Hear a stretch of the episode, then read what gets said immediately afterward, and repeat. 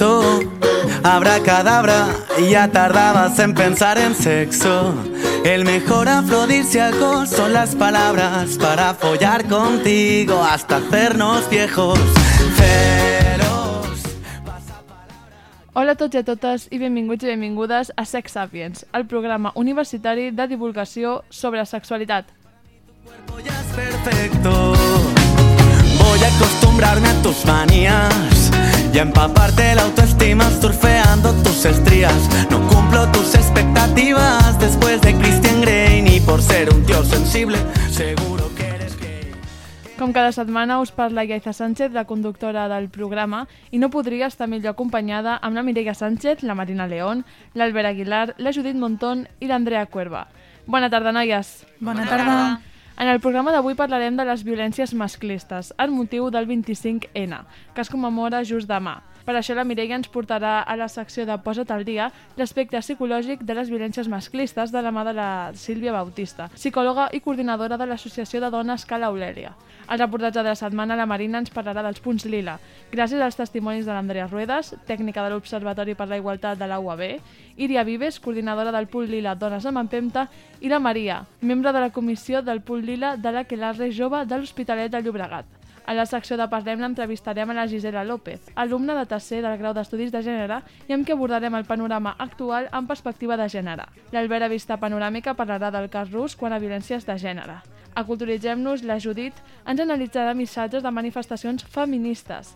L'Andrea, a les veus del carrer, ha sortit ben protegida i respectant les mesures de seguretat, com sempre recalquem, per portar-nos testimonis de persones que han patit violències micromasclistes. I com cada setmana tancarem el programa solucionant els dubtes que ens heu fet arribar al consultori.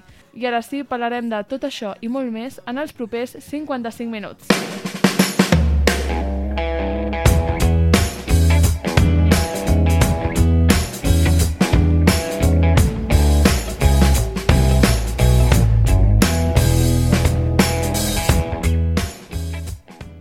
Segons el mitjà de comunicació femicidio.net, s'ha registrat un total de 79 assassinats de dones a Espanya al llarg del 2020.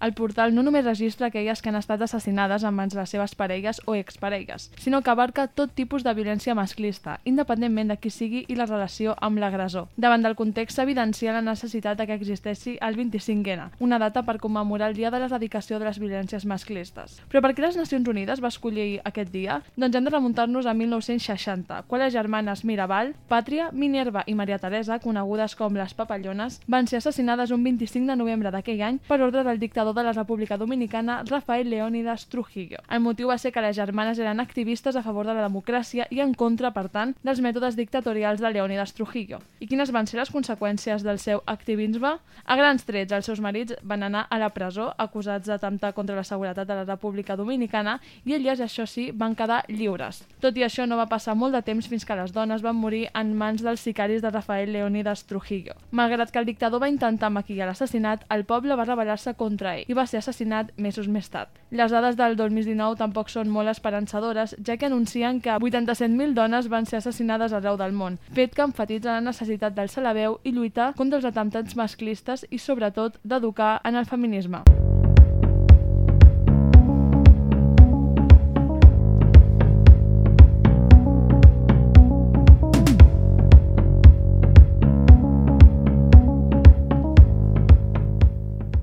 Comencem, com cada setmana, amb la secció de Posa't al dia de la mà de la Mireia Sánchez. Molt bona tarda, Mireia. Bona tarda. Què ens vens a portar en aquest programa tan especial sobre el 25N? Parlarem de les diferents formes de violència masclista i ens centrarem sobretot en aquelles que es donen en la parella. Perfecte, doncs quan tu vulguis el micro és tot teu. La violència masclista, també anomenada violència de gènere, és la violència que pateixen les dones i les persones LGTBI com a conseqüència de viure i créixer en una societat masclista, és a dir, una societat que ens educa des de la suposada superioritat dels homes heterosexuals. Algunes formes de violència masclista són fàcilment identificables, però en alguns casos no ho veiem tan clar. Això és fàcil d'entendre amb la coneguda imatge de l'iceberg, de les agressions, que té una part visible i l'altra invisible.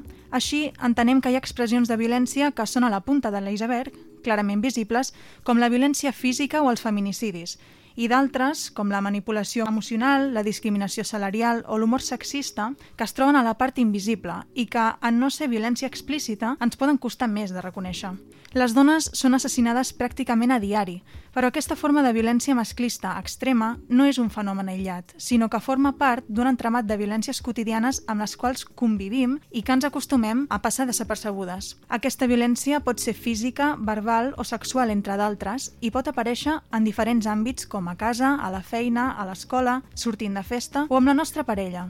Hem volgut centrar-nos en aquest últim punt. Per fer-ho hem parlat amb la Sílvia Bautista, psicòloga i coordinadora de l'Associació de Dones Cal Aurelia, que treballa donant atenció psicològica a les dones que han patit algun tipus de violència masclista, sobretot en la parella. La Sílvia Bautista ens parla sobre la importància d'identificar aquelles violències que no són físiques. Normalment, bueno, o sigui, totes elles han patit el que és el maltracte psicològic, és el més difícil d'identificar i és el que pitjors conseqüències té, no? perquè el, el, el físic el, el, el veiem, no?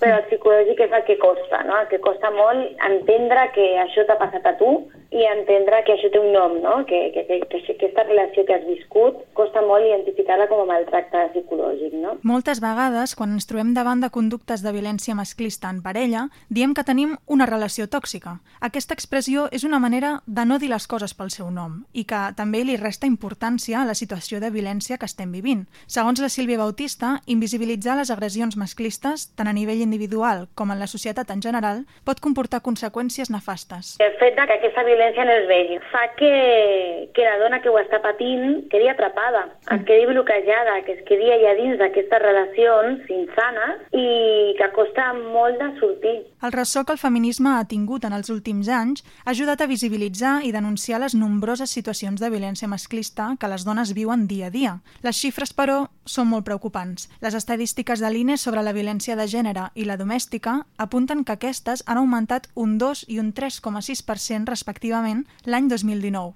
Tanmateix, dins d'aquest 2% només es tenen en compte les agressions dutes a terme per una persona amb la qual la víctima té o ha tingut una relació afectiva. Per tant, entenem que la violència masclista en realitat ha augmentat molt més d'aquest 2% oficial. La Sílvia Bautista afirma que encara queda molt camí per recórrer i ens dona les claus per canviar la situació. Nosaltres en això lluitant, conscienciant, assenyalant no? la violència, denunciant la violència quan no, no, sé, no ser còmplice de tot això buscar una educació per fer-nos més lliures. La psicòloga apunta que una de les principals eines que tenim per fer front a la violència masclista en la parella és l'educació sexual plantejada sempre des del feminisme. Per important treballar temes d'autoestima, no? quan parlem d'educació sexual ja no és només físic, sinó tota l'autoestima, tot el tema de l'autoconeixement, els temes del consentiment, no? que és el que jo vull. Però clar, si no sabem el que volem, ja ens deixem portar no? per aquestes relacions on els homes són els que ens dominen,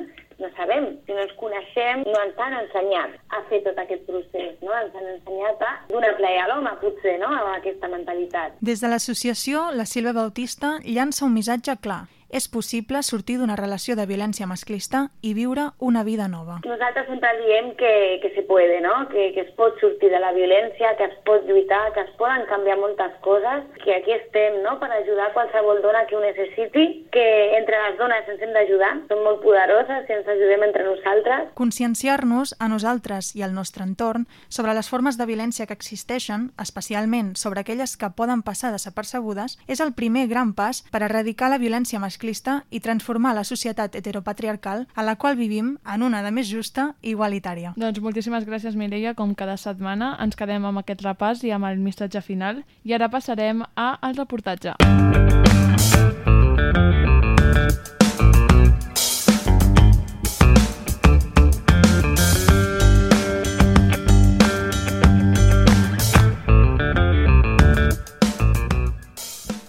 Molt bona tarda, Marina. Bona tarda. Què ens vens a portar en aquest programa? Avui us parlaré sobre com es gestionen les violències masclistes eh, dins dels grans espais. Perfecte, doncs quan tu vulguis. Vale, doncs amb grans espais em refereixo, per exemple, a una universitat com la nostra, on qui s'encarrega és l'Observatori per a la Igualtat, o també les festes, les festes majors, com per exemple la de l'Autònoma també, on trobem els punts liles. L'Andrea Ruedas és tècnica de l'Observatori i s'encarrega de les violències masclistes a dins la Universitat Autònoma. Des de l'Observatori el que fan és recol·lectar dades sobre violències masclistes i també sensibilitzar i prevenir el conjunt de persones que formen part de la universitat. Dades que m'han sobtat han estat, per exemple, que el 40 49,9% de dones a Catalunya ha patit agressions masclistes fora de la parella al llarg de la seva vida. També que l'assetjament sexual és una qüestió de poder.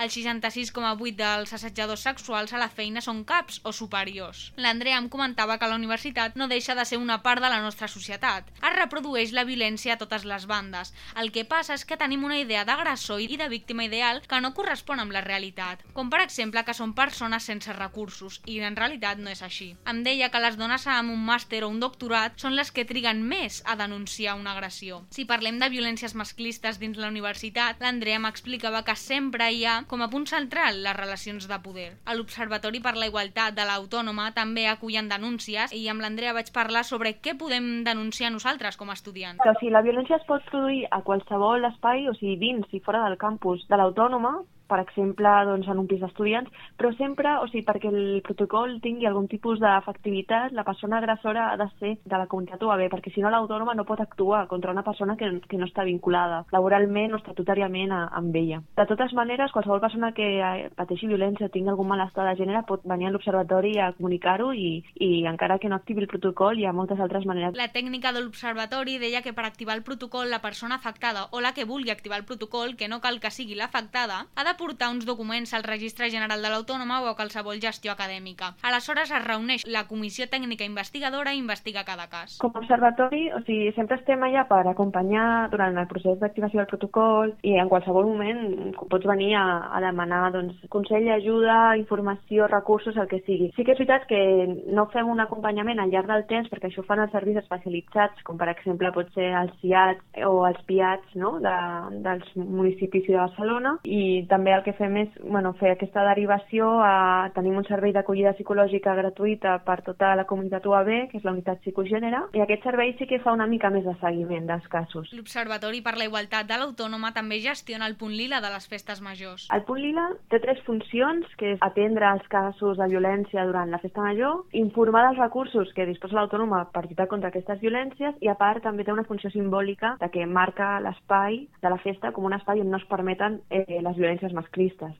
Llavors, nosaltres tenim el Púquila com a espai físic, tenim al costat de la sí. Facultat de Traducció i Interpretació, i a, a part tenim les brigades, que són aquestes parelles itinerants mm. que es passegen per la festa mm, i són com punts visibles no? repartits per tot el campus. A banda, quan a, algú pateix una agressió i es dirigeix al punt lila, pots haver patit una agressió simplement vols informació i si necessites una atenció psicològica com més concreta, o sigui, disposem d'un espai de seguretat, un espai tranquil on poder fer aquesta atenció sense que et sentis apartat de la festa, de manera que quan es fa aquesta atenció després per aquí al costat, al costat de, del punt lila físic i després pots tornar a la festa o et derivem a un altre servei que, que puguis necessitar, com un acompanyament a Mossos d'Esquadra o, o algun servei de salut. Aquest any, com totes sabeu, la festa major ha hagut de ser virtual i el punt lila també ho ha estat. Això ens demostra que malgrat la pandèmia aquest servei de la universitat continua actiu i qui ho necessiti pot demanar la seva ajuda. Sobre punts liles hem parlat també amb la Iria Vives de l'àrea de prevenció i sensibilització i coordinadora de punts lila Dones amb Empenta. Aquests punts liles treballen en diferents municipis, tot i que qualsevol dona que ho necessiti pot sol·licitar la seva ajuda sense necessitat que sigui a un punt lila concret. Per una banda,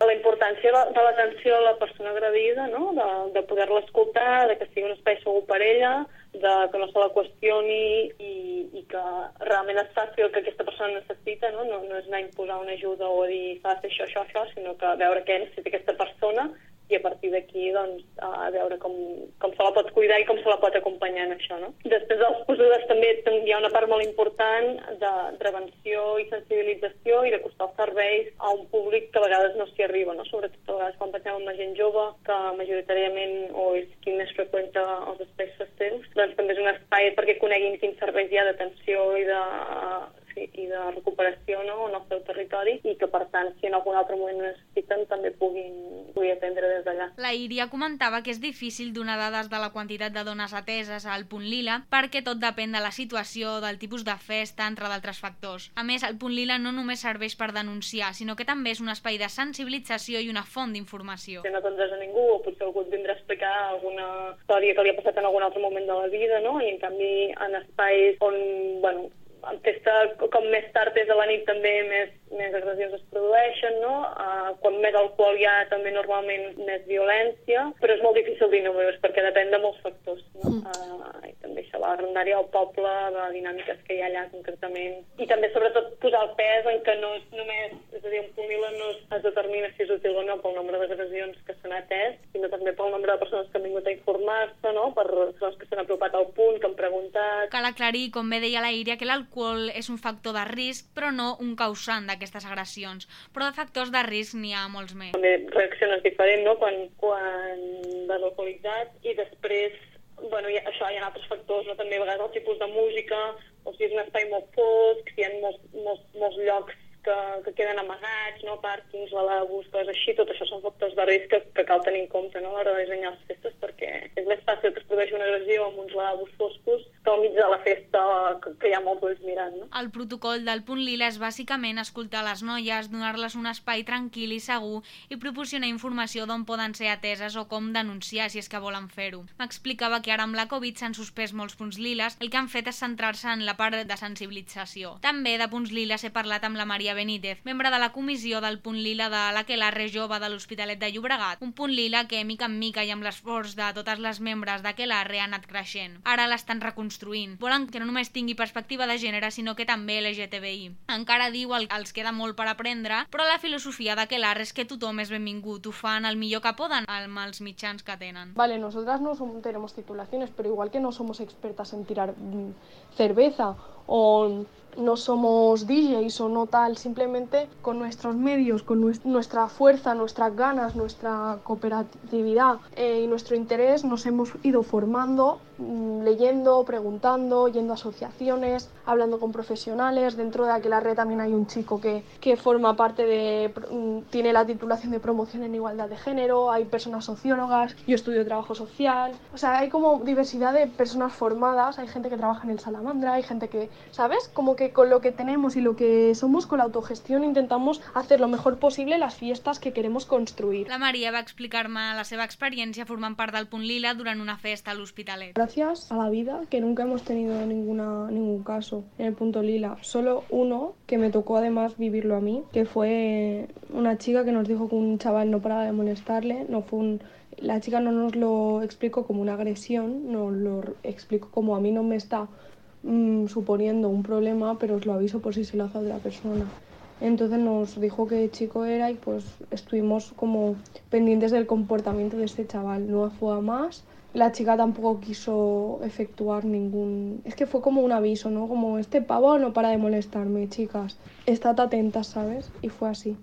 Y le dijimos que cualquier cosa que estábamos pendientes, tal, fuimos, fui con la chica a mirar a ver quién era el chaval. Le dije, ¿quieres que le diga algo? Y me dijo que no, que solo quería que lo supiéramos, que no había ningún motivo de momento para decirle nada, que ya se lo había dicho ella y ya se suponía que le había quedado claro, pero que lo tuviéramos en cuenta y no pasó nada más. Em deia la Maria que el més important és tenir cura de les seves necessitats de, de la persona afectada, així com obtenir la màxima informació del o dels agressors. Sempre insisteix, s'ha de respectar la voluntat de la persona. Cada vegada és més comú veure punts liles a les festes i hem vist que fins i tot n'existeixen de virtuals. Són un molt bon servei per protegir els col·lectius més vulnerables i també necessaris, així com per prevenir l'assetjament sexual. Moltíssimes gràcies gràcies, Marina, i aprofito per reivindicar la importància, malauradament, de l'existència dels punts lila. Gràcies per aquest reportatge tan ben fet, com cada setmana, i ara passem a la secció de Parlem-ne.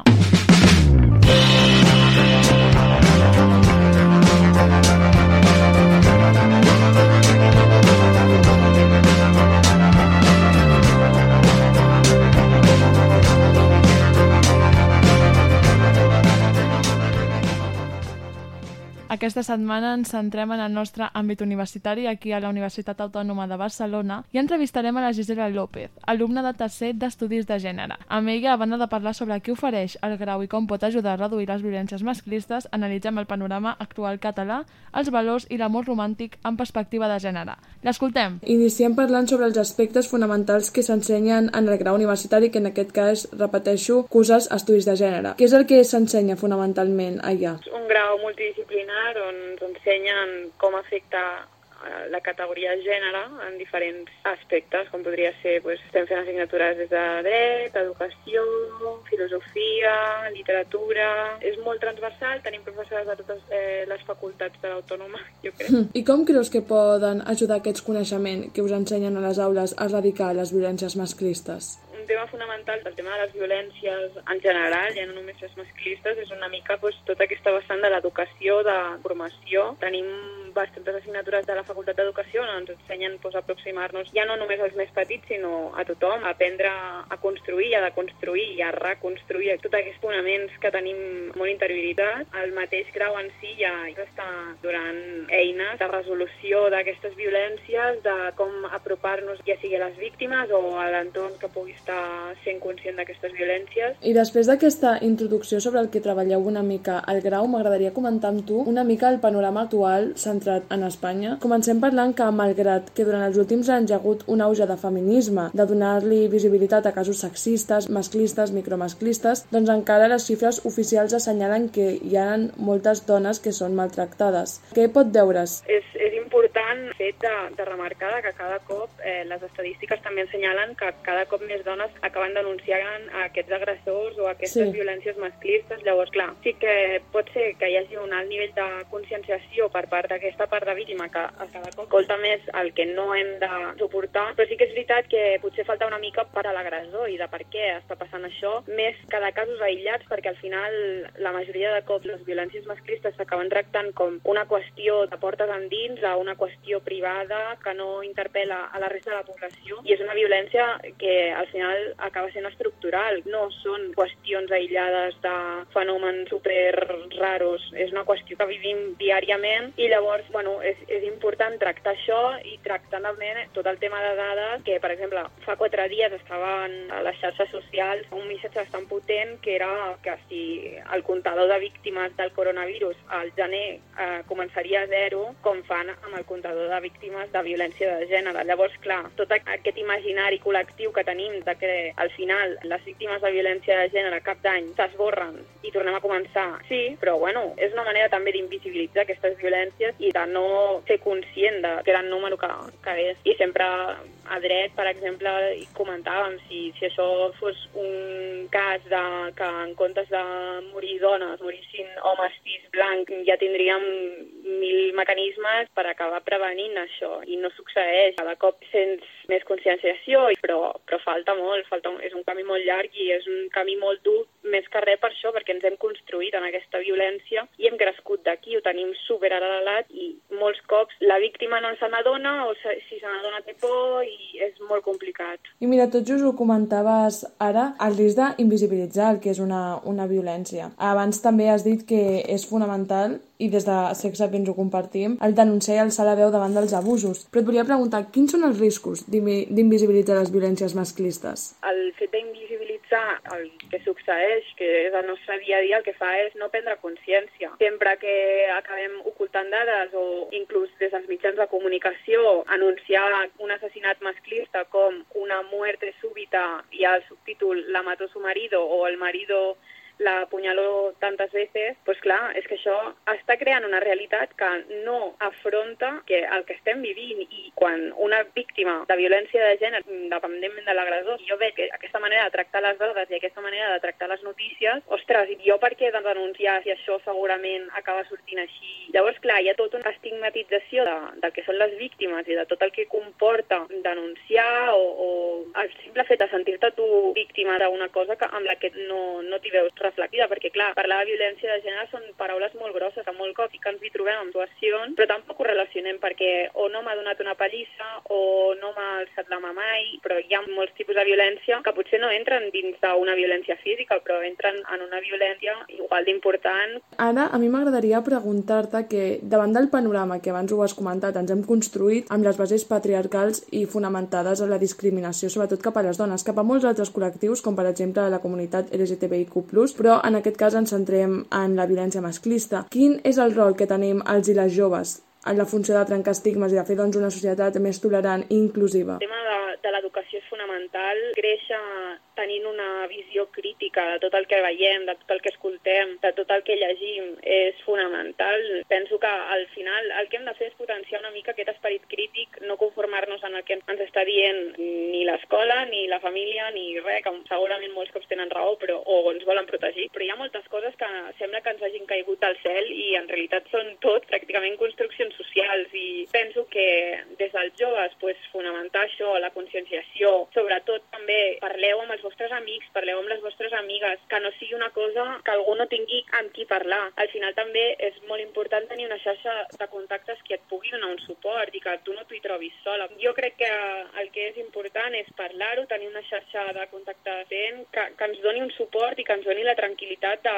poder parlar. Que al final no normalitzar-ho, però saber que, que és molt més comú. I abans és una cosa que també has mencionat, la invisibilització d'aquelles violències que són micromasclistes. No es podrien considerar en el moment en què doncs, no es diu alguna cosa que potser és més subtil a la percepció però que és igual de danyina. I això es sol veure sobretot en les noies més joves, perquè doncs, no tenen aquesta consciència i estan començant doncs, a experimentar les primeres experiències, sobretot relacionades amb, amb l'amor, i clar, doncs no acaben de relacionar la gravetat amb el fet. Quin paper creus que té aquí l'amor romàntic i la idealització d'aquest? Aviam, jo penso que el tema del romanticisme és un tema molt complicat. Penso que, òbviament, regalar-li flors a la teva parella no és res que es pugui... Dañino.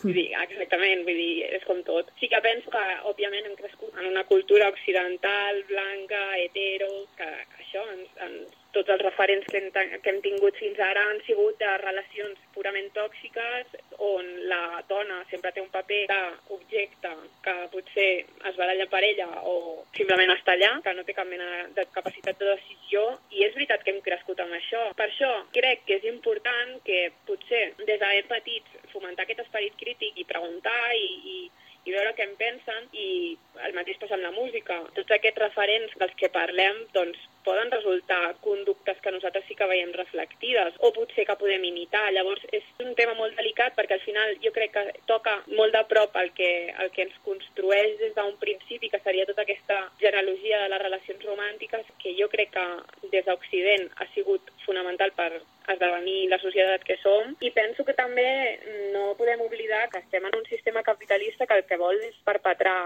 l'ordre establert. Llavors, clar, si trobem doncs, això, produccions capitalistes que el que fan és doncs, representar aquests valors tradicionals d'amor romàntic, molt hetero i molt, doncs, això, tradicional i molt típic, doncs, no dic que no ho hem de consumir perquè al final doncs, no ens hem de sentir culpables per si ens agrada veure qualsevol pel·lícula romàntica de Nadal, per exemple, però sí que penso que és interessant pues, això, posar-hi l'esperit crític i dir, vale, estic veient això, però sóc conscient de que aquí passa això i això i això, de que això no està bé, de que aquesta persona l'estan anul·lant. Llavors, clar, és interessant pues, aquest exercici de reflexió, sense perdre de vista pues, tot això que comentem, de, de tot el sistema capitalista que envolta al final tots aquests mitjans de comunicació i, i tots aquests estímuls que al final ens, ens van interpel·lant. I clar, és molt difícil, sempre pensem, ostres, segur, jo estic super deconstruïda, jo no sento res, però només cal veure, per exemple, a, a una assignatura l'any passat ens va posar un vídeo de Rosalia cantant els Premis Goya, parlava de, de pues, una relació super tòxica, un home que volia la seva dona i, i la Me quedo contigo, em sembla que es deia la cançó. I clar, tota l'escenografia, ell al mig amb un foc, un vestit vermell, els llavis pintats, i ella parlar, i ella cantant amb aquest dolor, i clar, se't posen els pèls a punta, i és que és una cosa que no podem evitar, i és així, perquè és així, per molt de construït que estem, però és que, clar, és una cosa que hi portem tan dins que és molt difícil. Jo aposto per tenir això present i tampoc castigar-nos més del que compta, sempre que hi hagi un exercici crític darrere, penso que, bueno, que estem en el sistema que estem i tampoc ens podem fustigar per, per consumir segons quines coses. Apostem per ser crítiques i, i anar fent. Doncs aquesta era la última pregunta. No sé si vols afegir alguna cosa més. No, no. Perfecte, doncs ens quedem amb la teva reflexió final i moltíssimes gràcies eh, per estar aquí amb nosaltres, ha sigut un plaer. Igualment, gràcies.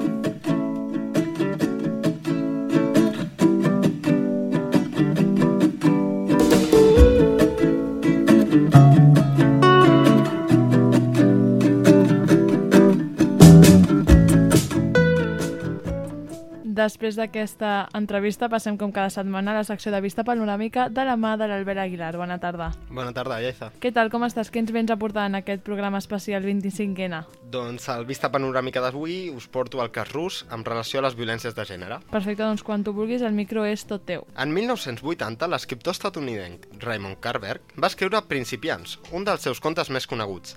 Allà, dues parelles d'amics reflexionaven acaloradament sobre l'amor. Terry, una de les dones, deia que el seu ex xicot l'estimava tant que havia intentat matar-la i per aprovar-lo relatava que li havia succeït abans de separar-se. Una nit em va donar una pallissa, l'última que van viure junts. Em va arrossegar pels turmells per tot el saló i no parar de dir-me «T'estimo, no ho veus? T'estimo, zorra». Costa creure que després de dècades de lluita contra la violència masclista, aquesta versió malaltissa a l'amor encara sobrevisca en uns certs països. No obstant això, encara resulta més increïble que alguns la tolerin o fins i tot l'estimulin. Un d'aquests països és Rússia, on les estadístiques policials indica que 36.000 dones són golpejades cada dia i ONG locals com Anna Center situen en l'esgarrifosa xifra de 14.000 els assassinats anuals de dones a mans d'homes. En aquest context, la Duma estatal, el Parlament rus, va aprovar en 2017 una llei que despenalitza les pallisses dels homes a les dones, sempre que es tracti d'una sola l'any i no li trenqui els ossos. La impulsora de la norma, l'ultraconservadora Elena Mitzulina, ho va explicar amb aquestes paraules. Es tracta d'atacs físics que no requereixen un expedient del metge perquè no resulten en lesions,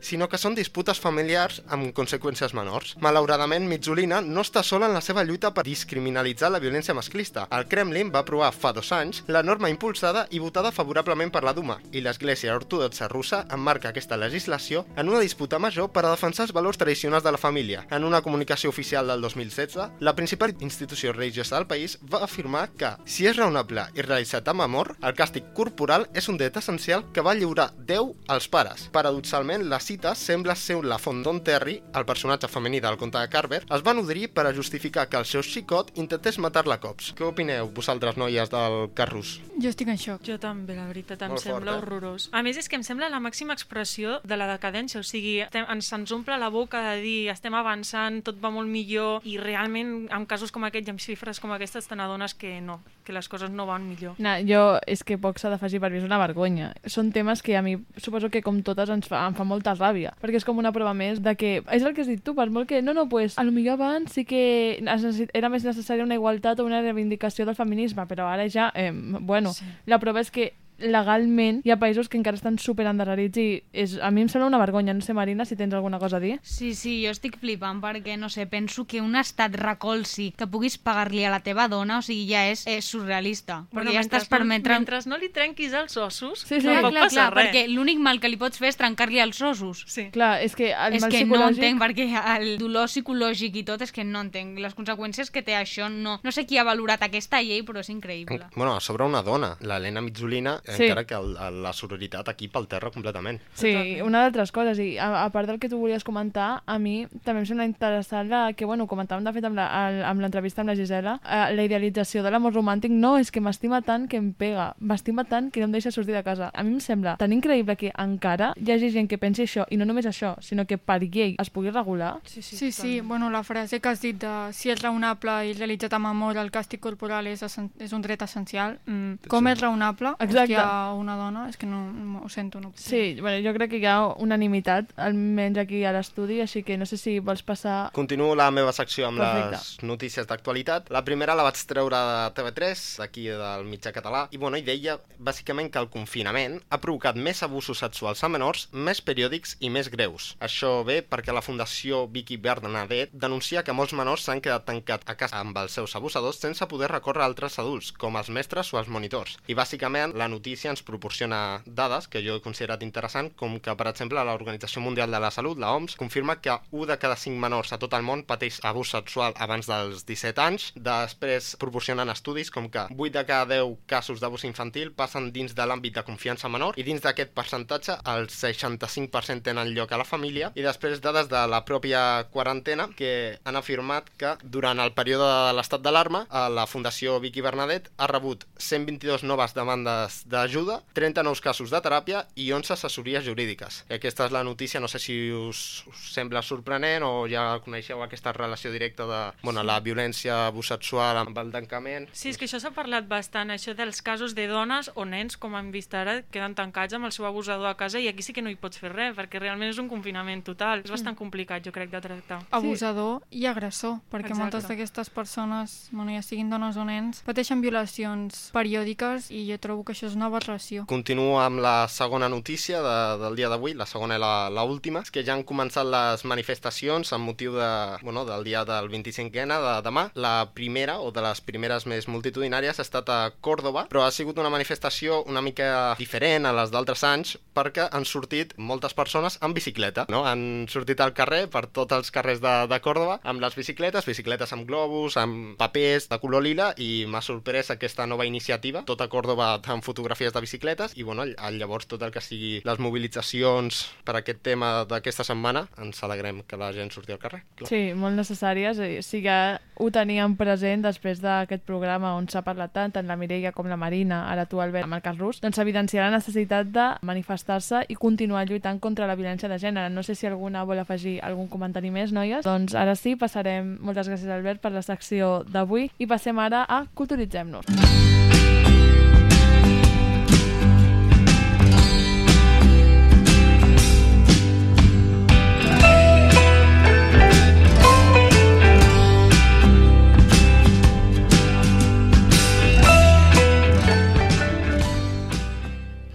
Després de la secció de vista panoràmica de la mà de l'Albert, passem a Culturitzem-nos, que ens la porta com cada setmana la Judit Montó. Molt bona tarda. Bona tarda. De què ens vens a parlar en el programa d'avui? Avui us porto consignes feministes. Doncs quan tu vulguis, el micro és tot teu. Com sabeu, les manifestacions feministes estan plenes de consignes, sobretot la del 8M, el Dia de la Dona, i la del 25N, el Dia contra la Violència de Gènere. Algunes d'aquestes consignes tenen un toc d'amor com la típica de Manolo, hazte la cena solo. Després, doncs, tenim la més coneguda, No és no, que és bàsicament un concepte senzill que apela que tot el que no sigui consentiment express vol dir no. Sí, bueno, senzill, però crec que moltes vegades és com la més qüestionada per diversos homes perquè no entenen que ha de ser explícit el consentiment. I, mm, bueno, jo crec que per aquests homes que no, no ho entenen poden mirar el vídeo de YouTube de T-Consent, que ho explica fenomenal. Moltes gràcies. Seguint amb les consignes, tenim De camí a casa vull ser lliure, no valenta, que apela a la por que passem moltes dones quan anem soles pel carrer a causa de la quantitat ingent de casos de violacions i morts. Aquesta és una de les que més m'agrada, sincerament. Perquè, o sigui, de les que més m'agrada, però en el fons penso és que no hauria de ser així quan et diuen anda, i te n'aniràs sola a casa, que valenta. És com, és que m'agradaria que no em diguessis això, saps? Que diguessis Ja. com que és un passeig normal i ja està. Jo relacionada amb això volia comentar que de fet l'altre dia la Judit i jo fora de micros vam estar parlant d'aquest tema, ara espero que ja se'n recordi, que va ser del tema del confinament i de com agreujava situacions que, per exemple, malauradament les dones vivim doncs, potser a les 2 del matí, 3 més endavant, doncs ara, pel confinament i per haver-se de tenir un toc de queda, doncs situacions com les que descrivia a les 3 del matí passen a les 6 de la tarda quan és fosc. I és clar, que el canvi d'hora aquest, poc se'n parla, Sí. eh? És un problema. I és molt difícil modificar perquè si tu Sí. sí. vens de la feina, vull dir, no és com sortir de festa, que és algo més lúdic, no, no, és que tu has de passar per allà, has Sí, d'agafar sí. un metro, has d'agafar un tren, i clar, què passa amb aquestes dones? És una- És una situació molt complicada. Sí, tu- i he vist bastantes noies que ho tracten a Twitter, per exemple, que parlen de a mi no em fa gràcia això que a les 6 sigui fosc, Mm. perquè a les 6 abans em podia sentir segura i ara mateix em fa por tornar a casa. Totalment. Completament, completament. Jo, de fet, estic preparant un reportatge sobre això perquè només aquest fet és, bueno, és que té una incidència enorme. Seguint amb aquesta línia tenim el No hi som totes, faltant les mortes, que apela a la violència sexual que supera en molts casos, desgraciadament, la línia de la vida. Aquesta és bastant dura. Sí. És d'aquestes que se't fica la pell de gallina quan Sí, la veus. està, està molt relacionada amb som el crit de les que ja no hi són, que jo amb aquest no puc perquè fa molt mal. Fa Sí. molt mal pensar que ara són elles i que demà pot ser tu. Sí, molt emotiu, la veritat. Bueno, també hem de pensar que, tot i que la justícia no condemni i no faci el que ha de fer, nosaltres no callarem. I per acabar, vull proposar-vos la que és la meva preferida, que és la meva postura sexual preferida és jo a dalt i el patriarcat a baix, que apela que el feminisme tomba o pretén tombar el sistema masclista i opressor. Per acabar amb la meva secció, us porto la cançó de Un violador en tu camino, molt sonada a les manifestacions del 2019. Escoltem-la. Y nuestro castigo es la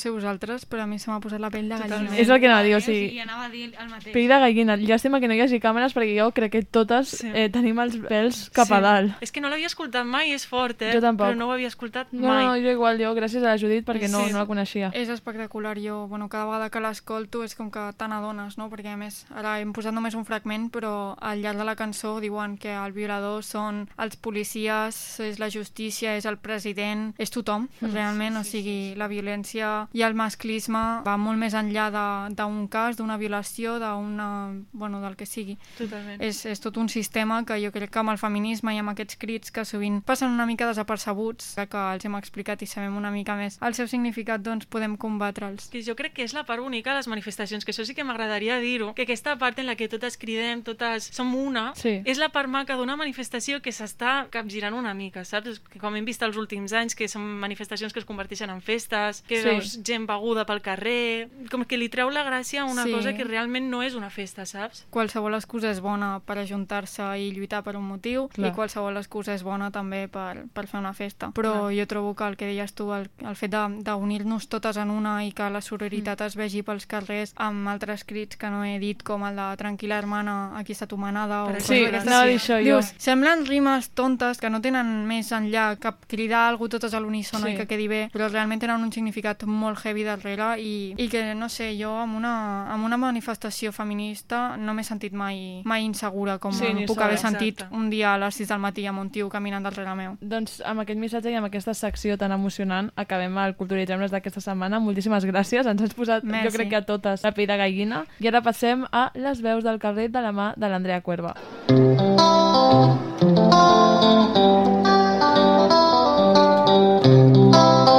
bona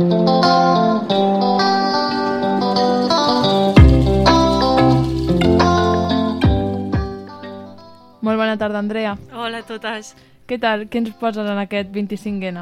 Doncs avui us porto experiències de primera mà. Perfecte, doncs quan tu vulguis el micro és tot teu. Doncs he pensat que ja que estem dedicant un programa sencer a parlar de la violència sexual, no hi ha cap manera millor de saber i de conèixer aquest aspecte que amb les sensacions que pot viure una dona en aquesta situació. La millor forma de fer-ho és preguntant-ho a elles directament. Així que avui us porto els testimonis de diverses noies que, com moltes altres en aquesta societat, s'han vist agredides sexualment en algun moment de la seva vida. Comencem la secció amb un primer testimoni d'una noia que ens explica això. Doncs això va ser al voltant de les 12 i mitja de la nit, més o menys, i anava sola i em faltava un carrer per arribar a casa quan em vaig topar tres nois que em van començar a dir coses com guapa o coses així, i cridant i, i xistant, i mentrestant jo anava accelerar el pas perquè em feia por que fossin tres, perquè mai m'havia passat que um, tres em diguessin qualsevol cosa així i a sobre anaven beguts i portaven cots a la mà i tal i que potser poguessin esbrinar doncs, on vivia perquè estava a prop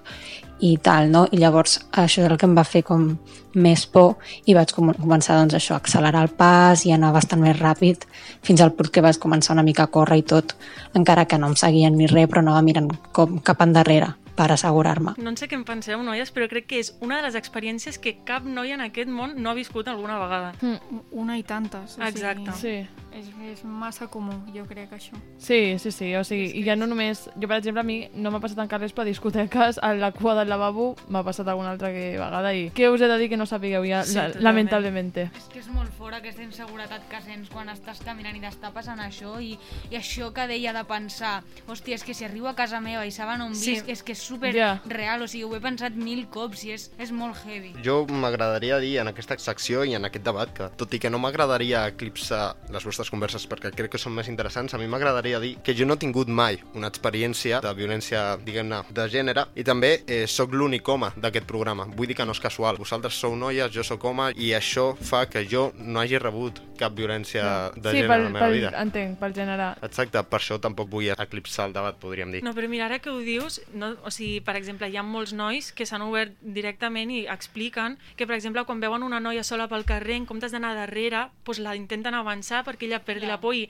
des d'aquí hem de dir que de veritat funciona, o sigui, no dona aquesta mateixa Sí. sensació, saps? O sigui, don, dona més seguretat que aquesta persona t'avanci que no pas que aquesta persona se Sí. t'apropi i digui et puc ajudar, Sí, saps? jo, per exemple, el meu pare és una persona és gran i m'ho ha explicat moltes vegades. La típica vegada que jo venia sola al tren per la nit i m'ha vingut a buscar a l'estació, clar, ell s'ha trobat una noia que venia i la noia ja l'ha mirat amb cara de por. I és el que fa com apartar-se el que, el que tu has descrit perquè, clar, és que la por és inevitable i malauradament està molt justificada. Mm, Parlant també sobre aquest tema del tema al carrer, alguna vegada un grup de nois us ha tallat el pas? O us heu sentit com que no us deixaven avançar? No, Amb a mi cotxe. no. Amb cotxe. no. Doncs mira, aquest és el testimoni d'una noia que ens ho explica d'aquesta manera. Una tarda que anava caminant tranquil·lament pel carrer i de cop i volta o sigui, vaig veure que s'apropava per darrere un noi amb una bicicleta que anava pujat a la bici i res, que va començar com a acusar-me amb la bicicleta en plan, jo anava caminant i el noi em donava voltes al meu voltant. O sigui, passava per davant meu tornava cap enrere i tornava a passar. Girava i tornava a passar. I m'estava acusant en cercles. I clar, jo o sigui, em tallava el pas i vaig passar molta por.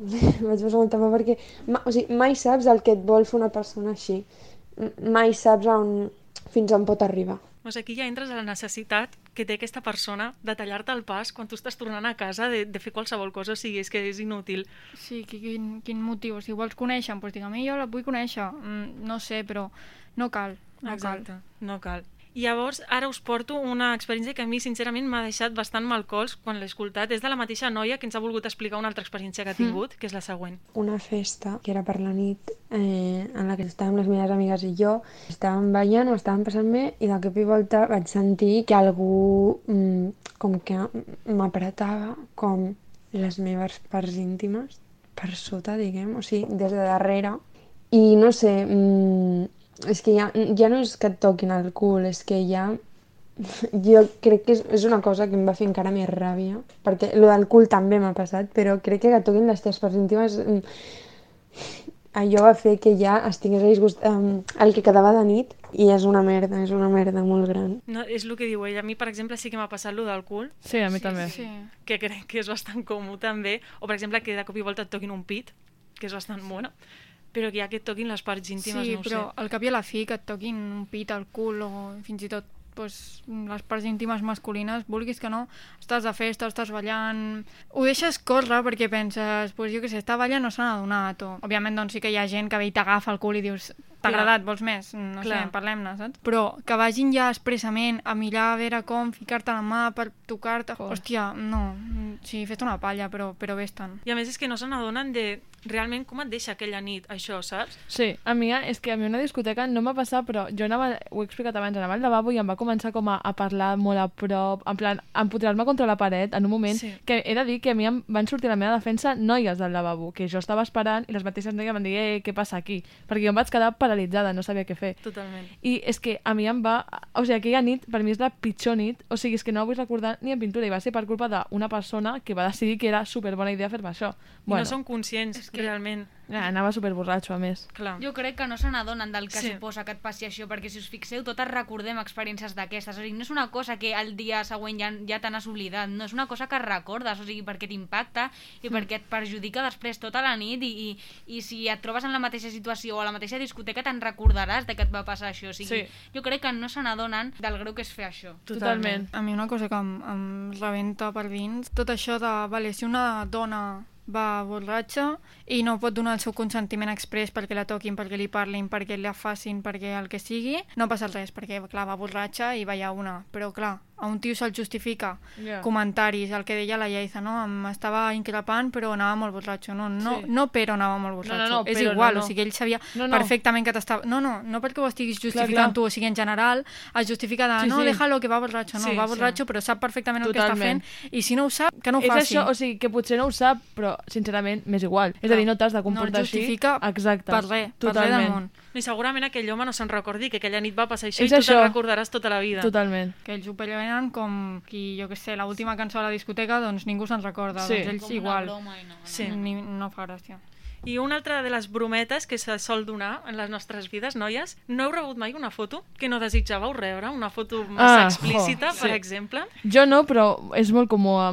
M'han explicat amigues en plan que... Però super gratuït, en sí, plan... com, mira, no la noia que ens ho explica, que ens ha arribat el testimoni, ens ho explica tal qual. És un acte molt gratuït que ve quan no ha de venir i sense cap motiu. Escoltem-la. Jo estava un dia a casa no? i estava parlant per Instagram amb un noi amb el que jo vaig estar sortint feia un temps.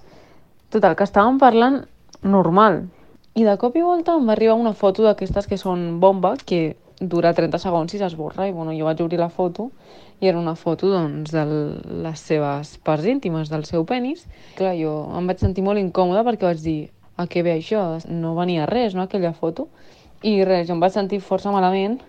De fet, si li vaig contestar va ser algú com quin fàstic o alguna així i vaig deixar de parlar-li i de fet crec que no he tornat a parlar amb ell. Aquí tenim un dels casos de mm, imatges que no haurien d'arribar mai i que no sé què se'ls hi passa pel cap als homes que ho fan. És, és que jo no ho entenc tampoc. O sigui, em sembla com surrealista. En quin moment creus que és bona idea? I a part que, jo, per exemple, el cas que connecta la meva amiga s'acompanya de frases com mira com me tienes. Sí, Disculpa. Sí, sí, sí, sí. Totalment. O sigui que entenem que um, si mantens sexe, per exemple, per WhatsApp o el que sigui, i tu... Si és una situació consensuada, Exacte. de, o és una persona amb la que habitualment tens relacions i un dia està ell avorrit i t'envia una foto suggerent, vale. Això està perfecte. Cadascú Sí. fa el que vol. Clar, el context és molt important, però, clar, de cop i ah, volta... Exacte, estàs parlant ja amb algú de què tal et van els estudis, per exemple, i t'arriba una foto polla, doncs estalvia-te-la. Exacte. Clar, és que a mi m'ha passat de reaccionar malament perquè evidentment és una cosa que no esperes i que no t'agrada veure si no l'has demanat o si no estàs en aquest mood. Eh, m'ha passat de reaccionar malament i que s'ofenguin i és en plan, a ver... És, és que em pots ofendre què tant que faci, que digui, ala, que guai. Encima. L'altra, una és que te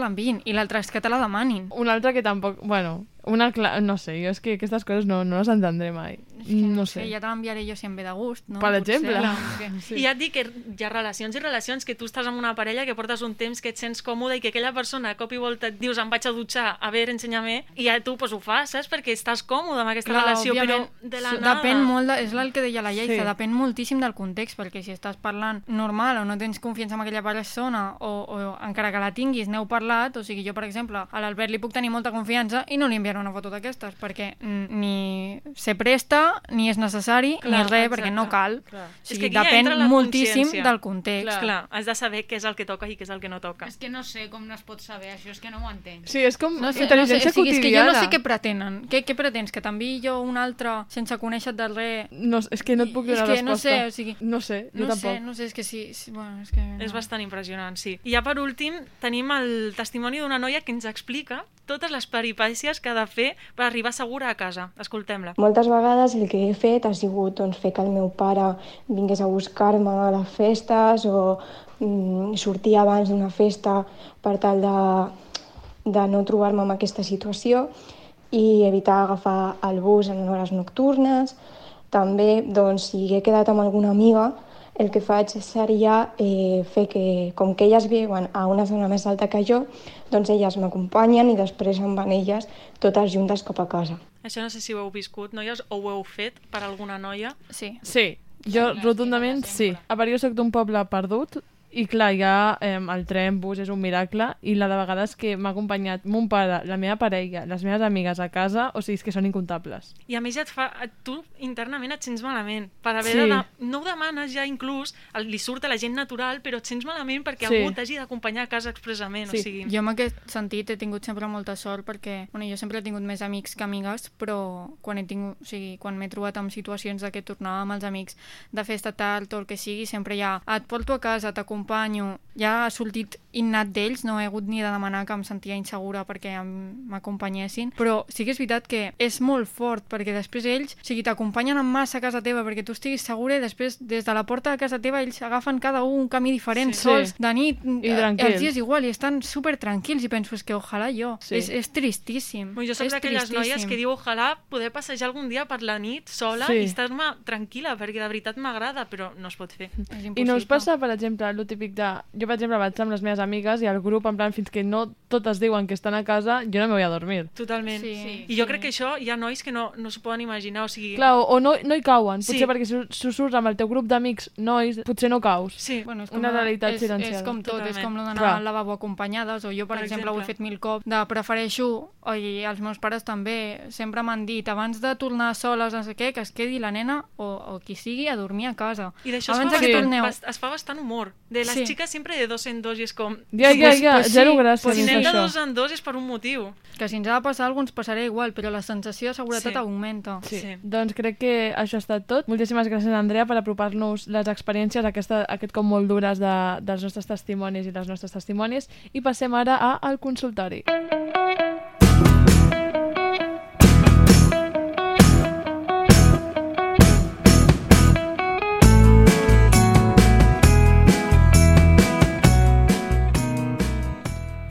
Doncs Judit, Andrea, quan vulgueu. Doncs tornem una setmana més amb un consultori que, com sempre, estrena la Judit. O sigui, què ens ha arribat, Judit? La primera pregunta que tenim és què és la violència sexual? La violència sexual es defineix com qualsevol acte o intent d'obtenir actes sexuals per violència o coacció. Aquí entren doncs, comentaris sobre el cos de caràcter sexual i ofensius, gests sexuals ofensius, missatges no desitjats de caràcter ofensiu, amenaces, publicació de fotos o vídeos, mm, se t'apropen, et rossen, et fan tocaments com els que hem sentit al consultori, amenaces amb represàlies com suspendre un examen si no fas algun acte sexual o alguna cosa així. També exhibicionismes, que bueno, a mi em va passar un cop que hi havia un home fent-se una palla davant meu al tren. Sí, sol passar això. I bueno, un seguit d'actes i intimidacions molt llarg. I aquesta pregunta està molt relacionada amb una altra que també ens ha arribat i diu el següent. Quina diferència hi ha entre violència sexual i violència de gènere? Doncs les Nacions Unides defineixen la violència de gènere com a qualsevol acte de violència contra la dona que resulti o pugui tenir com a resultat un dany físic, sexual o psicològic per a la dona, incloent així les amenaces, la coacció, tot el tema que ens ha explicat la Judit. Hem de saber que la violència sexual pot ser un tipus de violència de gènere, però també pot no ser-ho. O sigui, la violència de gènere està sempre rela- relacionada amb l'home cap a la dona i la violència sexual es pot donar entre, per exemple, dos homes, que Vale. potser és menys comú, però podria ser. Bueno, la tercera pregunta és què fer si has patit o pateixes violència sexual. El primer que has de fer és, òbviament, identificar-ho, llavors dirigir-te a un lloc segur, que estigui lluny de la persona que t'ha agredit, després contactar immediatament amb algú que pugui ajudar, ja sigui un amic, un familiar i, òbviament, la policia. Llavors, una de les coses més importants i que sovint tenim en compte és conservar totes les proves de l'agressió, el que sigui. A la pàgina web que hem trobat de l'Ajuntament ens recomana que no et banyis, no beguis aigua, no mengis, no et rentis les dents, no et dutxis, no et canvis de roba i, en casos més extrems, evitis anar al lavabo, perquè eh, si fas alguna d'aquestes coses es podria perdre alguna de les proves que servirien després per identificar l'agressor. Llavors, doncs, un cop fet tot això, has d'anar el més ràpid que puguis a urgències i explicar tot el que t'ha passat. I també relacionat amb aquesta pregunta, un dels nostres oients ens pregunta què fer si som nosaltres els que sabem que algú del nostre entorn està patint una violència sexual. La Fundació Anabela, que lluita contra el masclisme i ajuda les víctimes de maltractaments, fa un petit decàleg que inclou tot allò que hem de fer en aquests casos. I en aquest decàleg, en resum, se'ns diu doncs, que hem de preguntar i hem d'escoltar sense jutjar la persona afectada, hem de fer-la sentir que està acompanyada, que estem amb ella, no hem de dir què és el que ha de fer ni hem de culpabilitzar-la per tot el que està vivint i sobretot hem d'acompanyar-la a un professional i acompanyar-la sobretot en aquest procés. Perfecte, doncs, moltíssimes moltíssimes gràcies per respondre de manera tan les preguntes. Tanquem amb el programa d'aquesta setmana tan especial i ens veiem en el proper programa de Sex Sapiens. Moltes gràcies.